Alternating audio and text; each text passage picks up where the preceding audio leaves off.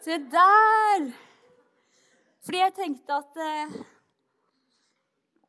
eh, for mange av dere så er det kanskje sånn dere kjenner meg aller best.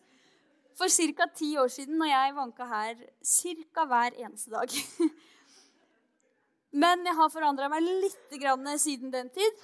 Men jeg syns det er en flott Jeg syns bildet har alt. Det sier veldig mye. ja. Heldigvis så har jeg et kors rundt halsen som sier det meste. Det kreppa håret, det sier i hvert fall sin årstid. Ja, kjempefint. Men jeg har forandra meg litt. Håper dere ser det. Men eh, jeg har blitt 26 år, tror jeg. Ja, det har jeg. Og jeg har til og med Skal vi se hvordan, hvordan bytter man Jeg har ikke blitt så god i powerpoint, men jeg har gifta meg for bare noen måneder siden. Så jeg er derfor jeg heter Sandvik i tillegg da, til Pettersen. Jeg har faktisk fått med meg Fredrik til å også hete Pettersen. Og det er det mange som har reagert litt på. Eh, men vi syns det er veldig koselig å hete akkurat det samme.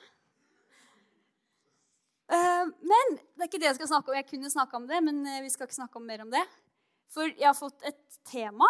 Jeg fikk et tema for Jeg så også det sto på et av slidene så sto det et, tema, og det jeg fikk, var å dele Kristus med de rundt oss. Det var litt mer utøvet med Guds betingelsesløse kjærlighet. Det var veldig fint. Men iallfall så har jeg fått det temaet og har valgt å ha en overskrift. De ser ikke det vi ser. Fordi eh, Og det å dele Kristus med de rundt oss, det er kanskje verdens vanskeligste oppgave. Syns jeg, i hvert fall. Og kanskje også vår eneste som kristne. Det er, den, det er den største oppgaven og den viktigste oppgaven vi har fått som kristne. Men det er veldig vanskelig. Fordi Hvordan kan man egentlig overbevise noen som ikke tror, til å tro? Fordi det er jo en tro, og det er noe, det er noe jeg har opplevd. Hvordan kan man da overbevise? Hvordan er det man leder noen til Jesus? Skal man liksom gå sånn blindebukk med de og bare 'Her er Jesus', og så bare dytte de og vise de en vei som de kanskje ikke helt skjønner noe av? Eller skal vi ha heftig argumentasjon? Skal vi ta kurs i retorikk? Eller i karismatikk? Eh, det er vanskelig å vite akkurat hvordan vi skal gjøre det. For jeg syns det er en vanskelig oppgave. Men så vet vi at det er en oppgave vi har fått fra Gud, eh, så gjør det veldig viktig. Jeg, er, jeg var riktignok litt ironisk med at vi skal ta kurs og vi skal gjøre alle disse tingene. Um, for vi skal ikke, det, det, er viktig med retorikk og karismatikk. Det er mange ting som er viktig. Men, men jeg tror ikke at min oppgave i seg selv er å overbevise. Jeg tror det er Gud som overbeviser. Men så tror jeg at jeg kan eh, være meg selv og min tro så godt jeg kan i hele livet mitt. Jeg tror det er den beste, eh, det er den beste tingen jeg kan gjøre. Eh, og så er det Gud som heller får overbevise ved siden av det. Eh, men det er jo riktignok sånn da, at de som ikke er kristne, de ser ikke det vi ser. Vi har sett noe. Vi har kanskje hatt en opplevelse med Gud. Vi har, kanskje vi har sett Gud. Eh, kanskje vi har sett noe Jesus har gjort. Kanskje vi har sett et menneske gå fra ikke-tro til å tro. Vi har sett forandringen. Vi har sett noe som de ikke ser, eller som de ikke har sett. Eh, og det er bare helt reelt. Sånn er det. Um, og for å snakke litt mer om dette, så har jeg bare lyst til å forklare Eller jeg tenker mye på en ting om dagen. Det er fordi jeg skriver en bachelor om skam. Og da tenker jeg mye på det. Og, um, og skam det kalles også for blikkets sykdom. Og Derfor har jeg skjønt hvor mye et blikk eller et syn hvor mye det kan bety for et menneske. Og skam som et begrep innenfor teologien. altså Vi, om, vi kan lese mye om skam i Bibelen, vi synger mye om skam. Men akkurat skam som et teologisk begrep det er relativt nytt, faktisk. Fordi at Tidligere i historien så har vi blanda ganske godt det med skyld og skam. Vi synger f.eks. at Jesus tok min skyld og skam. Men det som er ganske farlig med å blande skyld og skam, er at de har vidt forskjellig opphav. Og de sitter også helt forskjellig i kroppen vår. Fordi skyld, uh, har, skyld forklarer at du har gjort noe galt. Du er skyldig. Du har stjålet, du har løyet. Du har gjort noe som er galt. Derfor er du skyldig. Men skam det handler om en følelse som sitter i kroppen, som forteller deg at du er feil. Det indikerer ikke nødvendigvis at du har gjort noe galt, men det forteller at du er feil. Og denne følelsen, skam, den kan komme av veldig mange forskjellige årsaker.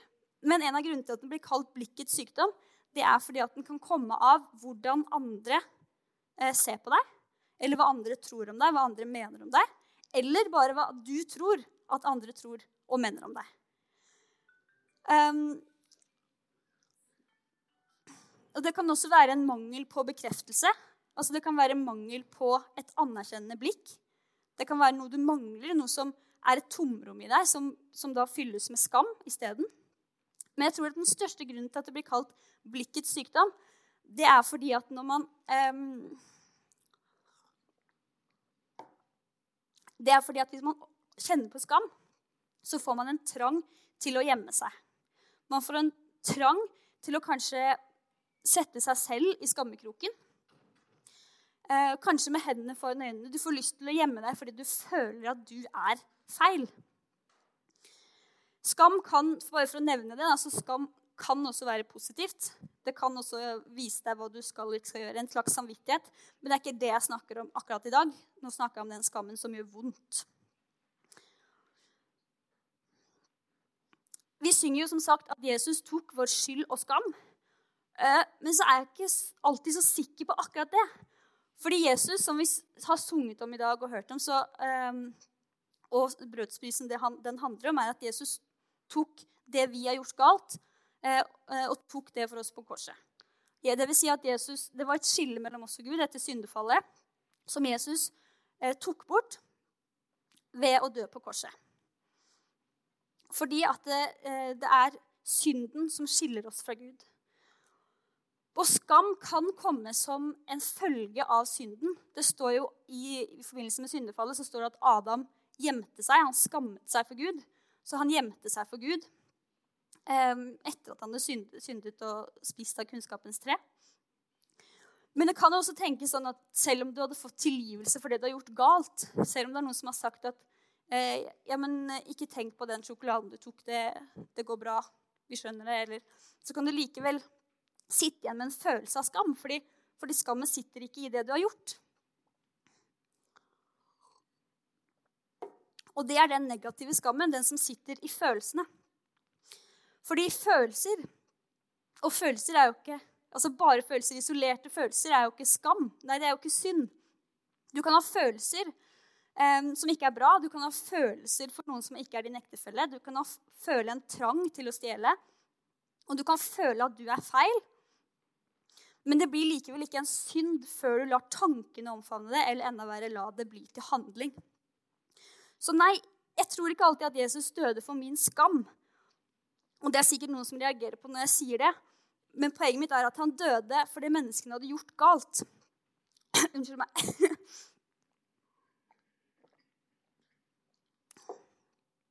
Han døde for det som hadde holdt oss borte fra Gud.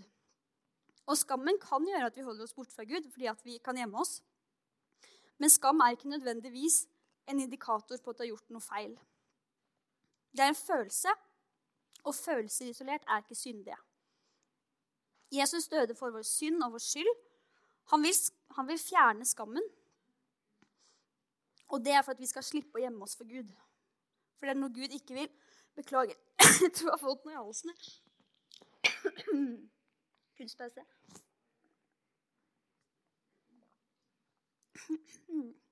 Ja. Dere er tålmodige. Skal vi se Nei, jeg tror ikke at jeg, jeg vet at Jesus døde for vår synd og for vår skyld. Og jeg tror at han har lyst til å fjerne skammen, fordi skammen ikke, um, fører ikke noe positivt med seg. Men skam er ikke noe som skiller oss fra Gud etter loven. For det er ikke syndig å kjenne på skam. Det er ikke sunt, men det er heller ikke det Gud forteller oss at vi er.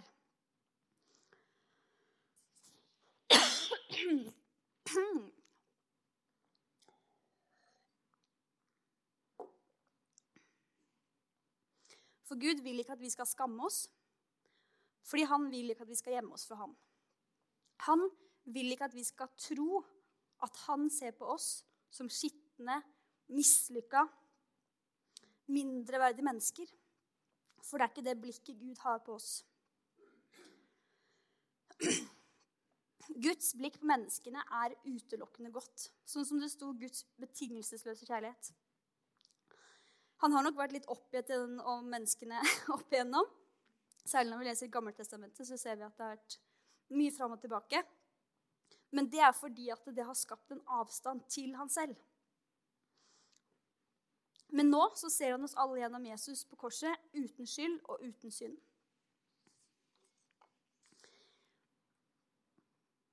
I første Mosebok 1.31 så står det Det var ikke det det sto der. Eller det sto der, men det er ikke det jeg skulle ta nå. Første Mosebok 2.25 så står det De var nakne, både Adam og hans hustru, men skammet seg ikke. Oi sann. Unnskyld meg. Dette var jo før syndefallet. Gud ville ikke at vi skulle skamme oss, selv ikke da vi var nakne. Dette var utgangspunktet vårt. De var nakne, men de skammet seg ikke. Det er Guds optimale menneske. Det er slik han skapte oss. Og om det skulle være noe syndig i skammen, så må det være at vi ikke verdsetter det Gud har skapt perfekt. Jeg håper ikke dere bare kommer til å huske hostinga etter denne talen. Kanskje noen har en Fisherman eller et eller annet. Åh, takk. Det er helt nydelig. Det tror jeg er bedre. Oh. Henger dere med, eller er det bare Er det bare hosting? Dette skjedde for øvrig når jeg var leiprest på Ove nå. Men da hadde jeg ikke vann engang, så da tenkte jeg nå skal jeg i hvert fall ha vann. Og nå har jeg til og med to glass med vann. Det hjelper ikke. Ja. Vi får håpe dere får med dere poeng. Kanskje jeg må snakke litt mer. Vi har mikrofon, jeg må huske på det. Trenger ikke snakke så høyt. Men om det skulle være noe syndig i skammen, så må det være at vi ikke verdsetter det Gud har skapt. Eller at skammen gjør at vi holder oss borte fra Gud. Og nå skal vi lese første Mosebok 1.31. For der står nemlig den første bekreftelsen på at Gud er fornøyd med skaperverket sitt. Og Gud så at alt det han hadde gjort Han så alt det han hadde gjort, og se, det var overmåte godt. Det ble aften, og det ble morgen den sjette dag. Og den sjette dagen det var den siste dagen Gud skapte noe. Og da kan jeg se for meg at Gud var fornøyd, og så la han beina på bordet. Og så nøyt den hele skapverket. Uh, og så leste jeg dette, og så så jeg for meg det. Det ble jo litt sånn ja, artig, men så så jeg for meg selv. Er det noen her som liker å tegne eller male eller hva skal jeg skifte dekk på bilen? Jeg prøvde å finne på noe mandig. er det noe håndarbeid. Strikke. Um, ja. Det kan gjerne fortelle meg litt mer mannlig håndarbeid etterpå. Men i hvert fall noen som liker å drive med håndarbeid. da. Jeg liker i hvert fall å tegne. Uh, og jeg, noen ganger så kan jeg bli ganske fornøyd med det jeg har tegna. Eh, og ofte så er jeg fornøyd når jeg kommer til det punktet at jeg vet at nå kan jeg ikke gjøre noe mer. Nå vet jeg at hvis jeg tar og tegner en strek til, eller maler en strek til, eller en prikk til, så så kan jeg ødelegge det. Jeg kan komme til det punktet at nå må jeg legge ned pennen. Eller så kan jeg ødelegge det jeg har laget. Er det noen som kjenner seg igjen, forresten? Er det noen som har gjort det før? Malt eller tegna eller Ikke strikk en maske til. Nei. Eller, eller, ikke skru dekket for hardt eller for løst. Er det noe? Jeg har aldri skifta dekk.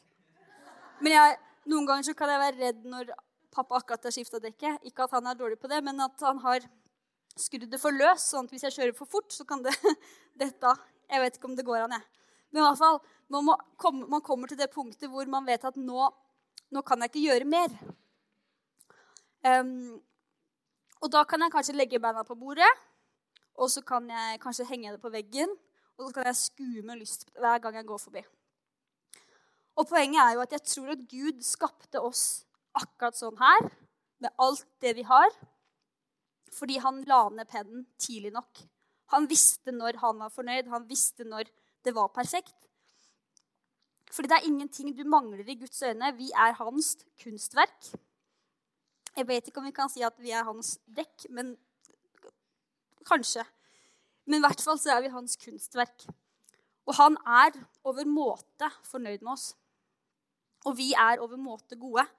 I Jeremia 31,3 så står det Fra det fjerne har Herren åpenbart seg for meg. Ja, Med en evig kjærlighet har jeg elsket deg. Og evig kjærlighet, det ligger så mye i det med evig kjærlighet, fordi evig tar aldri slutt. Og det har heller ikke hatt noen begynnelse. Evig er evig. Det, er, det, det fins ikke noe mer enn evig. Og i Romerne 8,38 så står det for jeg er viss på at verken død eller liv, verken engler eller krefter, verken det som nå er eller det som skal komme, og ingen makt, verken høyde eller dybde, eller noen annen skapning skal kunne skille oss fra Guds kjærlighet i Kristus Jesus vår Herre. Det er mye oppramsning i det bibelverset, men det sier så utrolig mye. Det sier Ja, det står at han har elsket oss med et evig kjærlighet, og at ingenting kan gjøre at han kutter den evige kjærligheten. Vår eksistens og vår tro begynte ikke med hva vi så når vi ble født, eller når vi ble frelst, men det begynte med hva Gud så i oss. Og det begynte med det overmåte gode.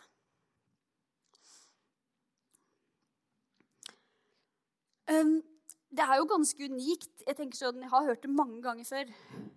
Den betingelsesløse kjærligheten, evig kjærligheten, ingenting jeg kan gjøre. Bla, bla, bla, bla. Jeg har hørt det hele livet. Men likevel så skjønner vi det ikke alltid. Det er alltid um, Jeg tror det alltid kan komme liksom Jeg tror vi alltid kan ta ett steg lenger inn i å forstå hva det betyr. Fordi at Gud har en annen dimensjon enn oss, og vi, vi forstår ikke eh, fullt og helt. Så Derfor tror jeg det ikke gjør noe å høre det om igjen om igjen. om igjen. Jeg tror også vi må høre det om igjen. At Gud liker meg akkurat sånn her, uansett om jeg hadde Ja. Eller utgangspunktet, da, uten å løfte en finger, så elsker Gud meg. Um, og i Johannes skal vi se, 4, i Johannes 4 så står det en historie om da Jesus møtte en samaritansk kvinne ved brønnen. Og Det er en ganske spennende historie fra den tiden. eller du skjønner at Det har skjedd ganske mye forskjellig eh, kontroversielle ting når, i det møtet. Eh, men jeg syns også det er veldig spennende å se på i dag. Og historien, eller Det er jo 2000 år siden kvinnen av Jesus møtte denne kvinnen. Eh, og kulturen der var ganske annerledes. Jesus var jøde. Denne kvinnen var en samaritaner. Bare der lå det et, en konflikt. Det, fem, det var et 500 år langt fiendskap bak jødene og samaritanerne pga. ulike uenigheter om landområder og eh, hellige tekster. Um, også I tillegg så møter Jesus denne kvinnen midt på dagen. Noe som er veldig uvanlig, fordi at det er midt på dagen når sola står på sitt sterkeste, og man går egentlig ikke og henter vann så langt eh, midt på dagen. Uh, og noen ganger når jeg har lest alle typer bibelhistorier, egentlig, så kan jeg ønske at det står litt mer utdypa. For det står så veldig kort og konsist og konkret. Og det er jo egentlig veldig bra, for da får man så mye som mulig inn. Men samtidig så lurer jeg så på hvordan stemningen var der. Hvordan var stemmen til Jesus? Jeg skulle gjerne hatt det på lydbånd. Jeg skulle gjerne sett hvordan Jesus møtte denne kvinnen. Eller hvordan den kvinnen reagerte eh, når Jesus begynner å prate til henne. Jeg, jeg, man har så lyst til å, eller man danner seg på en måte et bilde av det. Samtidig som man kan liksom ikke eh, tolke for mye ut av historien heller. Fordi at det, det, er en dialog der. Eller det står en dialog.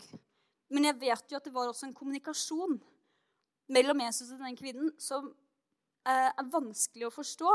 Så man kan forstå litt mer når man kjenner kontekst og eh, historie. Men jeg tror også man kan skjønne den kommunikasjonen når man kjenner Jesus. Og når man kjenner Guds blikk på menneskene, så tror jeg man kan skjønne eller tolke denne, denne, kommunikasjonen litt tydeligere. At vi kjenner Guds blikk på oss menneskene, at vi er over, måte gode, og at vi er et kunstverk. Skal vi lese fra kapittel 4, vers 6-9. Der står det Der var Jakobskilden. Jesus var sliten etter vandringen, og han satte seg ned ved kilden. Det var omkring den sjette time, altså midt på dagen. Da kommer en samaritansk kvinne for å hente vann, og Jesus sier til henne, 'La meg få drikke.' Disiplene hans var nå gått inn til byen for å kjøpe mat. Hun sier, 'Hvordan kan du som er jøde, be meg, en samaritansk kvinne, om å få drikke?' For jødene omgås ikke samaritanene. Og etter dette så begynner Jesus å fortelle eh, om at han har et levende vann. Et vann som du aldri skal tørste av igjen. Um, og forteller at hvis kvinnen hadde visst hvem han var, så hadde, han, så hadde hun spurt han med en gang om å få det vannet. Men kvinnen hun påpeker bare det åpenbare om at ja, men Jesus, eller jeg vet kanskje ikke at han heter Jesus, men, men, du har jo ikke noe bøtte eller du har jo ingenting å dra opp vannet med. Hvordan klarer du det? Jeg hører på en måte at hun er litt skeptisk. Hun er kanskje litt sarkastisk til og med. Um, og så spør hun da hvor stor er du som sier at du skal dra opp et vann uten noen ting? Og, og hvordan kan du si at man aldri skal tørste igjen? Men så sier hun også etterpå at ja, men så gi meg det vannet, da. Ok, da. Jeg vil gjerne ha det vannet, så slipper jeg å gå hit midt på dagen og hente vann igjen. Og jeg, jeg, hører det veldig sarkastisk. Det er ikke sikkert at hun var det. Men, men det høres ikke helt ut som at hun tror på henne med en gang. At jeg sånn, Ja, ja, få det vannet, da. Hvis noen hadde sagt at ja, dette, plant dette treet, så skal du få penger for resten av livet. Da hadde kanskje ikke helt trodd på det. Men så snur Jesus samtalen og viser hvem han faktisk er. Fram til nå så har kanskje ikke kvinnen vært helt overbevist om at, om at han er en, en, stor mann. Da. Og da leser vi fra 16 til 19. Da sa Jesus til henne, 'Gå og hent mannen din, og kom så hit.' 'Jeg har ingen mann', svarte kvinnen. 'Du har rett når du sier at du ikke har noen mann', sa Jesus. 'For du har hatt fem menn, og han du har nå, er ikke din mann.' Det du sier, er sant. Herre, jeg ser at du er en profet, sa kvinnen. Og Jesus fortalte denne kvinnen noe som ikke en tilfeldig jøde gjennom Samaria kunne vite om denne helt tilfeldige kvinnen han møtte midt på dagen. Og det var da hun forsto at han var så stor som han tilsa. Hun kalte han en profet, og så senere så setter hun spørsmål om at han kanskje er Messias, som han sier etter hvert. Og Så kommer disiplene tilbake etter å ha kjøpt mat, og så får kvinnen fart på seg. Og Da kan vi lese i vers 28 at Nei, 29 um, Nei, 28. Kvinnen lot nå vannkroken sin stå og gikk inn til byen og sa til folk.: Kom og se en mann som har fortalt meg alt jeg har gjort. Han skulle vel ikke være Messias? Leser, og så i vers 30, 39 så står det mange av samaritanerne fra denne byen kom til tro på Jesus pga. kvinnens ord da hun vitnet. Han har fortalt meg alt jeg har gjort. Jeg syns det skjer veldig mye på kort tid. Jeg vet ikke om dere skjønte hva jeg mente med at det er en kort og konsis historie, men det skjer. For kvinnen så er det jo helomvending. Hun går fra å eh, spørre liksom, hvem er det du tror du er, du er jøde, hvorfor snakker du til meg? OK, er dette vannet? Kan jeg få dette vannet? Til å, til å plutselig bare sånn Oi! Du må være så stor som du sier at du er. Og i tillegg Nå står det at hun gikk, men jeg så for meg at hun begynte å løpe. Og liksom Se, har du hørt denne mannen? Kanskje ikke akkurat sånn. Men det skjedde en helomvending der, og det skjedde på ganske kort tid. Fordi hun fikk plutselig noe å leve for. Hun fikk et engasjement fordi hun hadde møtt Jesus. Og jeg syns at historien er sterk, men jeg syns også det viser kanskje aller mest hvilket forbilde Jesus er i å møte mennesker. Fordi han har en helt unik evne til å se verden med skråblikk. Han kom inn, og, eh, og det var, ja, Yppersteprestene reagerte veldig på hva han sa og gjorde. Jesus så på menneskene og på verden på en helt annen måte enn de gjorde den tiden. Og han så heller ikke på skillet mellom jøde og samaritaner. Jeg har jo hørt denne historien, Dere har sikkert hørt denne historien veldig mange ganger. Og jeg har hørt den og lest den mange ganger. Og så, når jeg skulle bruke denne historien så, og begynte å lese litt nøye, så var det noe som irriterte meg litt. Eller som jeg ikke helt ja, Jeg stussa litt på det. Jeg klarte ikke helt å, ikke helt å knekke den nøtta. Fordi at det står helt til å begynne med Det første Jesus sier til denne kvinnen, det aller første det Jesus åpner samtalen med, det er La meg få drikke. Punktum. Og så tenkte jeg egentlig Det er sikkert ikke helt lov å si, men så tenkte jeg litt sånn Er ikke det litt frekt, Jesus? Hun skal vel ha vann? Og så ble jeg, litt sånn hvorfor, hvorfor, sa du det? Hvorfor kunne du ikke bare Det er ikke en nødvendig setning å ha med. Det ja, jeg ble rett og slett bare litt frustrert. Jeg klarte ikke helt å skjønne det. Fordi i vår misjon og i vår evangelisering nå i vår verden I Norge så er dette helt naturlig, fordi, men um, en del av det er at vi, vi, skal gi penger og vi skal gi ressurser.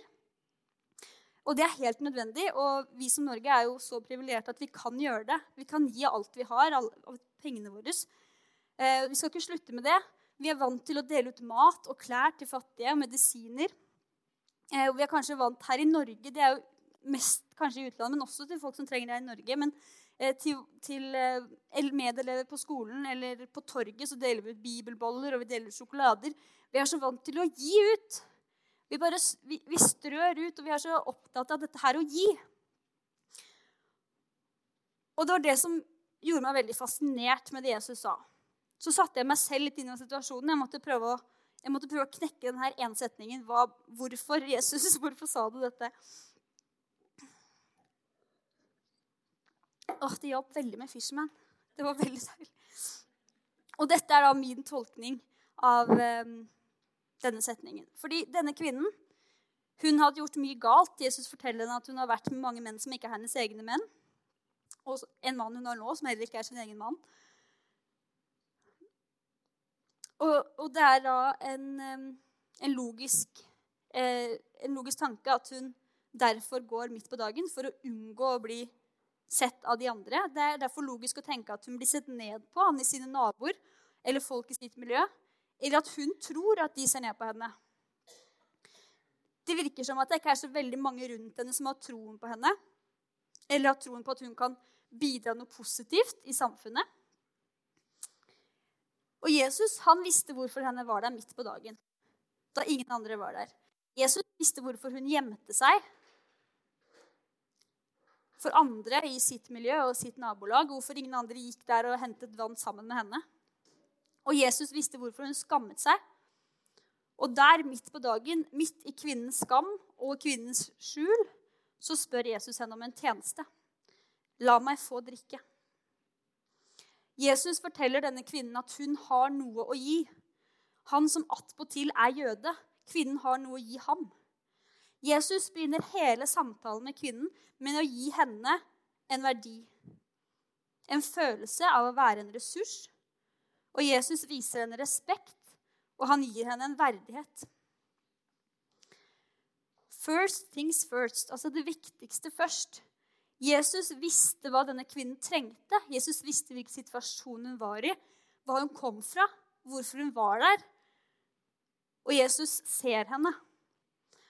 Han ser det hun har gjort galt. Han, alt, han, vet alt hun har gjort galt. Han kunne gått rett bort til henne og bevist seg selv med en gang og sagt sånn 'Jeg vet hva du har gjort feil. Du har fem menn, og det er, det er ikke dine menn.' Og han kunne stått med pekefinger og, og kjefta nesten. Eller ikke kjefta, men kanskje formaning, da. Han kunne gått rett til streng formaning. Men Jesus visste hvor han måtte starte for å vinne denne kvinnen. Og han starter med verdighet. Og så inviterer han henne til livets vann. Og så forteller han henne hva hun har gjort galt, og hva hun ikke skal gjøre mer. Jesus vet hvor han må starte. Fordi han elsket oss først, er, synger vi en sang, og det er jo veldig mange som er enig i det. at Fordi han elsket oss først. Han elsket oss før vi fortjente noen ting. Og Gud ser på oss med en verdighet og med en stor kjærlighet. Og han, ser, eh, og han inviterer oss inn før han påpeker våre feil. Han inviterer oss inn, og han eh, gir oss rom før han påpeker våre feil, fordi han vet at vi trenger å bli sett. Og kanskje det er noen rakettforskere her som har skjønt at jeg skal komme til hvordan Hvor er vårt blikk i møte med andre mennesker? For det har nemlig valgt å endre overskriften lite grann. De ser ikke det vi ser, men hva ser du? Fordi Gud er Gud. Jesus er menneske og Gud. Selvfølgelig har de et annet utgangspunkt enn oss vanlige dødelige. Og dette er et paradoks, fordi vi er født som mennesker, men vi har fått et himmelsk oppdrag. Men er det én ting vi kristne bør være enige om at vi tror på, så er det det paradoksale. Fordi Jesus han er 100% menneske og 100% Gud. Hvis jeg gjør noe galt, så gjør Jesus opp for meg. Gud er én, og Gud er tre. Det er paradoksale ting som ikke går opp, men likevel så tror vi at det gjør det. Og det er nettopp det oppdraget vi er satt til å utføre. Det paradoksale oppdraget. Det umulige oppdraget, men som ikke er umulig med den treenige Gud. Og nå har jeg gleda meg til å lese et veldig passende eksempel. Eller det er et litt kunstnerisk eh, bilde på eh, grunnen til at vi har to øyne. Ok, da Jeg leste dette for Fredrik, og han sa da må du si Nå må dere følge med. Fordi at det, eh, det, krever kanskje Ja, jeg skal forklare litt etterpå, men, men, jeg er kanskje litt mer kunstnerisk enn han, så det var bra at han sa fra at jeg måtte si fra at nå må dere følge med. Eh, jeg står foran en hylle med en, kruk en krukke foran et maleri. Krukken er plassert foran maleriet på midten. Jeg står og ser på krukken, og så lukker jeg kun det venstre øyet. Plutselig så flytter krukken seg litt til venstre. Så lukker jeg kun det høyre øyet, og krukken flytter seg litt til høyre. Så åpner jeg begge øynene, og jeg ser summen av det jeg så med både venstre og høyre øye på én og samme tid. OK, tenkte sikkert noen nå. OK. Jeg har to øyne. Men, eh, men Jesus' syn det var sammensatt av menneske og Gud. Menneskelig syn pluss Guds lengsel. For hvis vi ser på mennesket med kun det venstre øyet, også kalt menneskets øye, så blir mennesket sett i feil posisjon. Vi trenger både venstre og høyre øye for å se hele bildet. Vi trenger både oss selv og vi trenger Gud for å se hele mennesket. Men vi er jo faktisk bare mennesker. Kjøtt og blod, kropp og sjel. Men vi har også fått en ånd.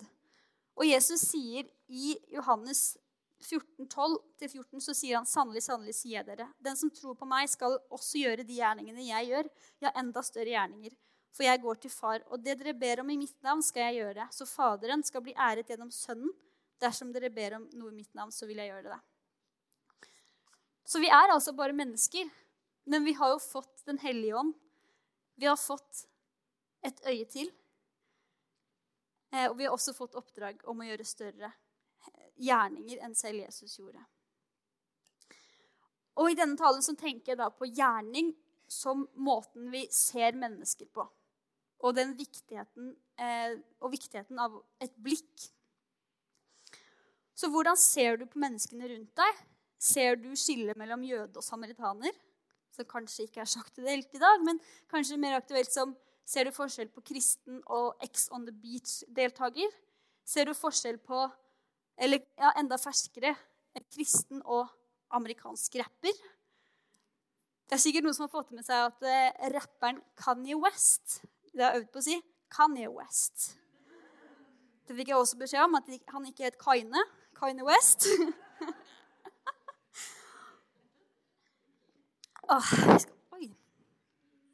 Altså, han er en amerikansk rapper, en artist, som er gift med Kim Kardashian, eh, som er fra Kardashian-familien, som, som er veldig mye i søkelyset. De er en, en av kanskje verdens mest omtalte familier. Og jeg vet ikke helt hvorfor, men jeg vet at de har mye penger. um, og West han har nå i nyere tid innrømmet at han er sexavhengig. Han har innrømmet at han er avhengig av penger. Skal vi se, Penger, biler, klær, sosiale medier, paparazzi-bilder og så mye mer. Men for inntil noen måneder siden og for inntil noen måneder siden så ville jeg plassert han i boksen av egoistiske, dog talentfulle amerikanske rappere. Eh, og ikke minst rap, eh, artister. Ja. Amerikanske artister og ikke minst, ikke minst, en rapper som kanskje er enda mer stigmatiserende. Men Kanye West, han, eh, Kanye West han utga for to uker siden et album som heter 'Jesus is King'. Jesus er konge. Fordi han har for flere måneder siden endret sin, sitt image til å vise fram dyre klokker eh, og kone med lite klær. Eh, til å snakke om evangeliet om Jesus. Og dette er jo veldig Dette er jo en helomvending. Altså, Kanye West er eh, jeg, jeg, kjenner ikke så godt til det miljøet, men jeg ser for meg en, en, liksom en holdning eh, og, som han innrømmer sjøl. Han er avhengig av disse, disse, tingene som vi dømmer de for å være avhengig av. Han innrømmer det. Og så plutselig så sier han at han har møtt Jesus. Um, og Diskusjonen har derfor vært ganske stor, og mange har vært veldig skeptiske til om det er dette her et stunt. Prøver han å få flere lyttere? Prøver han å fange flere publikummere? Hva er det han gjør? Og en kristen venn av meg sa til og med Men jeg har hørt at han er bipolar, da, så man vet jo ikke. Og det er sikkert mange som har tenkt det, og sikkert mange som ikke har turt å si det høyt. Men så hører jeg gjennom albumet hans. Jeg syns sangene er litt for korte, men det er kanskje den det, det, er på en måte den eneste kritikken jeg har. Og så hører jeg en sang som heter 'Hands On'. Og um, Nå ble jeg rørt. Det er ikke så lett å prate når man hoster og, og blir rørt samtidig. Skal vi se Fordi i første verset så synger han flere ganger. Åh, skal vi prøve. What have you been hearing from the Christians? They'll be the first ones. Jeg skal oversette etterpå. Dere får nyte engelsken min så lenge. They'll be the first one to judge me. Make it feel like nobody loved me.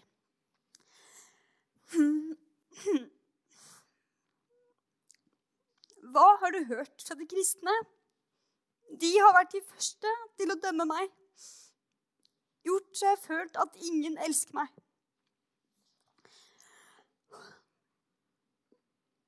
Oh, Hørte dere det? ja. Um, han bare synger den reaksjonen mange hadde. Han synger at de kristne var de første til å dømme. De kristne var de første til å kaste stein. De kristne gjorde at han ikke følte seg elsket. Og så skal vi høre Jeg vet ikke det, hvordan lyden blir nå, men vi skal høre litt av vers nummer to. Så skal jeg oversette for dere etterpå. Ja, det kan liksom OK. Eh, det er kanskje ikke så lett å høre hva han sier. Eh, men han synger, og da fikk du høre litt av, av musikksjangeren hans også. Jeg det er kult at han har lagd det på sin egen musikksanger. Musikksjanger. Ja. Han synger 'Jeg fortjener all den kritikken du har'. Hvis det er all kjærligheten du har, så er det det du har. Når jeg synger om forandring, så tror du at jeg tuller. Når jeg priser hans navn, så spør du hva jeg har røyka. Ja, jeg skjønner din motvilje, men jeg har et spørsmål, ser du. Ikke gi meg opp. Uh. Eh, legg hendene dine på meg. Vær så snill og be for meg. Ja, Så synger han til slutt 'Somebody please pray for me'. Noen vær så snill og be for meg. Jeg syns det er litt sterkt. Og jeg prøver ikke å, få, å hinte til at vi fordømmer for mye. Um, men tydeligvis så gjør vi Eller noen av oss gjør det. Men jeg prøver å si at det er så mye vi ser, som ikke nødvendigvis Gud vil at vi skal se. Som ikke nødvendigvis hjelper oss å føre andre mennesker til Jesus.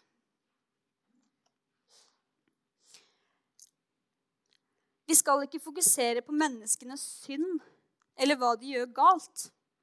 Men vi skal fokusere på hva vi ser først. Gjør vi det viktigste først? First things first.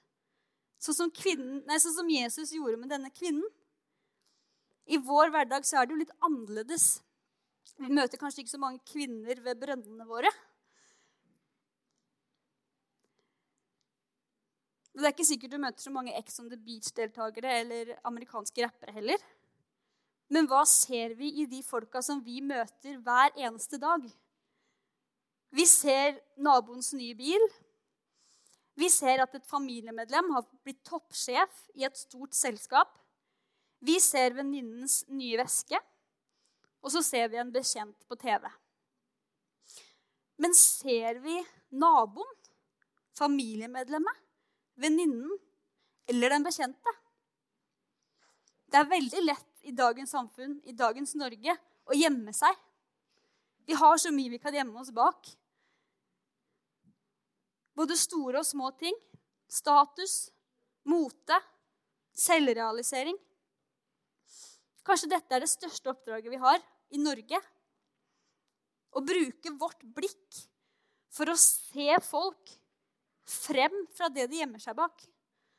Og dette var også et bilde som jeg fikk beskjed om å forklare. fordi han, Fredrik skjønte ikke helt. Men jeg ser for meg at det står en i hjørnet med masse foran seg. Og så bare jeg, får jeg sånne laserøyne som bare ser gjennom alt det materielle, alt det forgjengelige. Og så ser jeg rett inn i hjertet. Fordi mennesker er avhengig av anerkjennende blikk. Og det er kanskje blitt en stor mangel i Norge. Og Et annet bilde på det er jo en telefon. Den er veldig liten, men den er veldig stor òg. Det er veldig lett å gjemme seg bak den. i hvert fall. Jeg vet ikke om du har gått forbi en bekjent og så tenkt jeg orker ikke si hei, og så bare Jeg tror alle kanskje har gjort det innimellom. Ikke at det nødvendigvis bare er dumt, men man, men man Ja. Det er så lett å gjemme seg. Og kanskje det i bunn og grunn er en skammekrok de gjemmer seg i, men som bare er eh, forkledd som eh, status eller mote.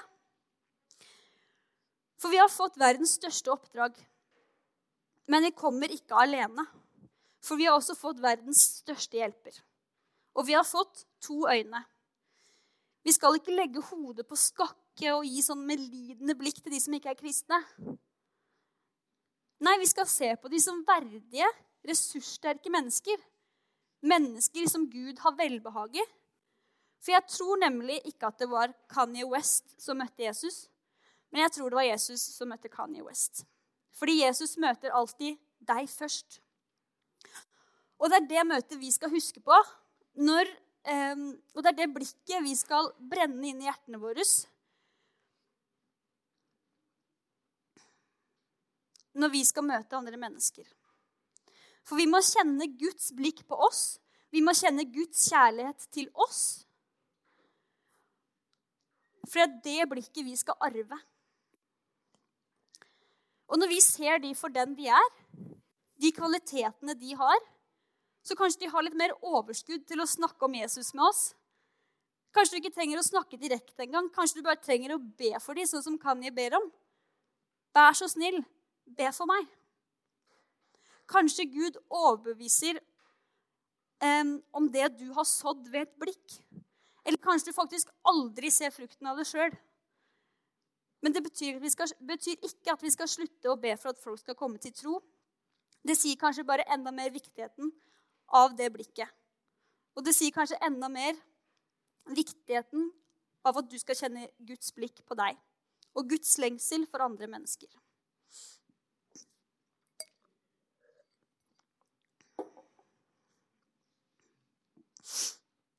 Jeg skal lese den lignelsen om blikk helt til slutt en gang til.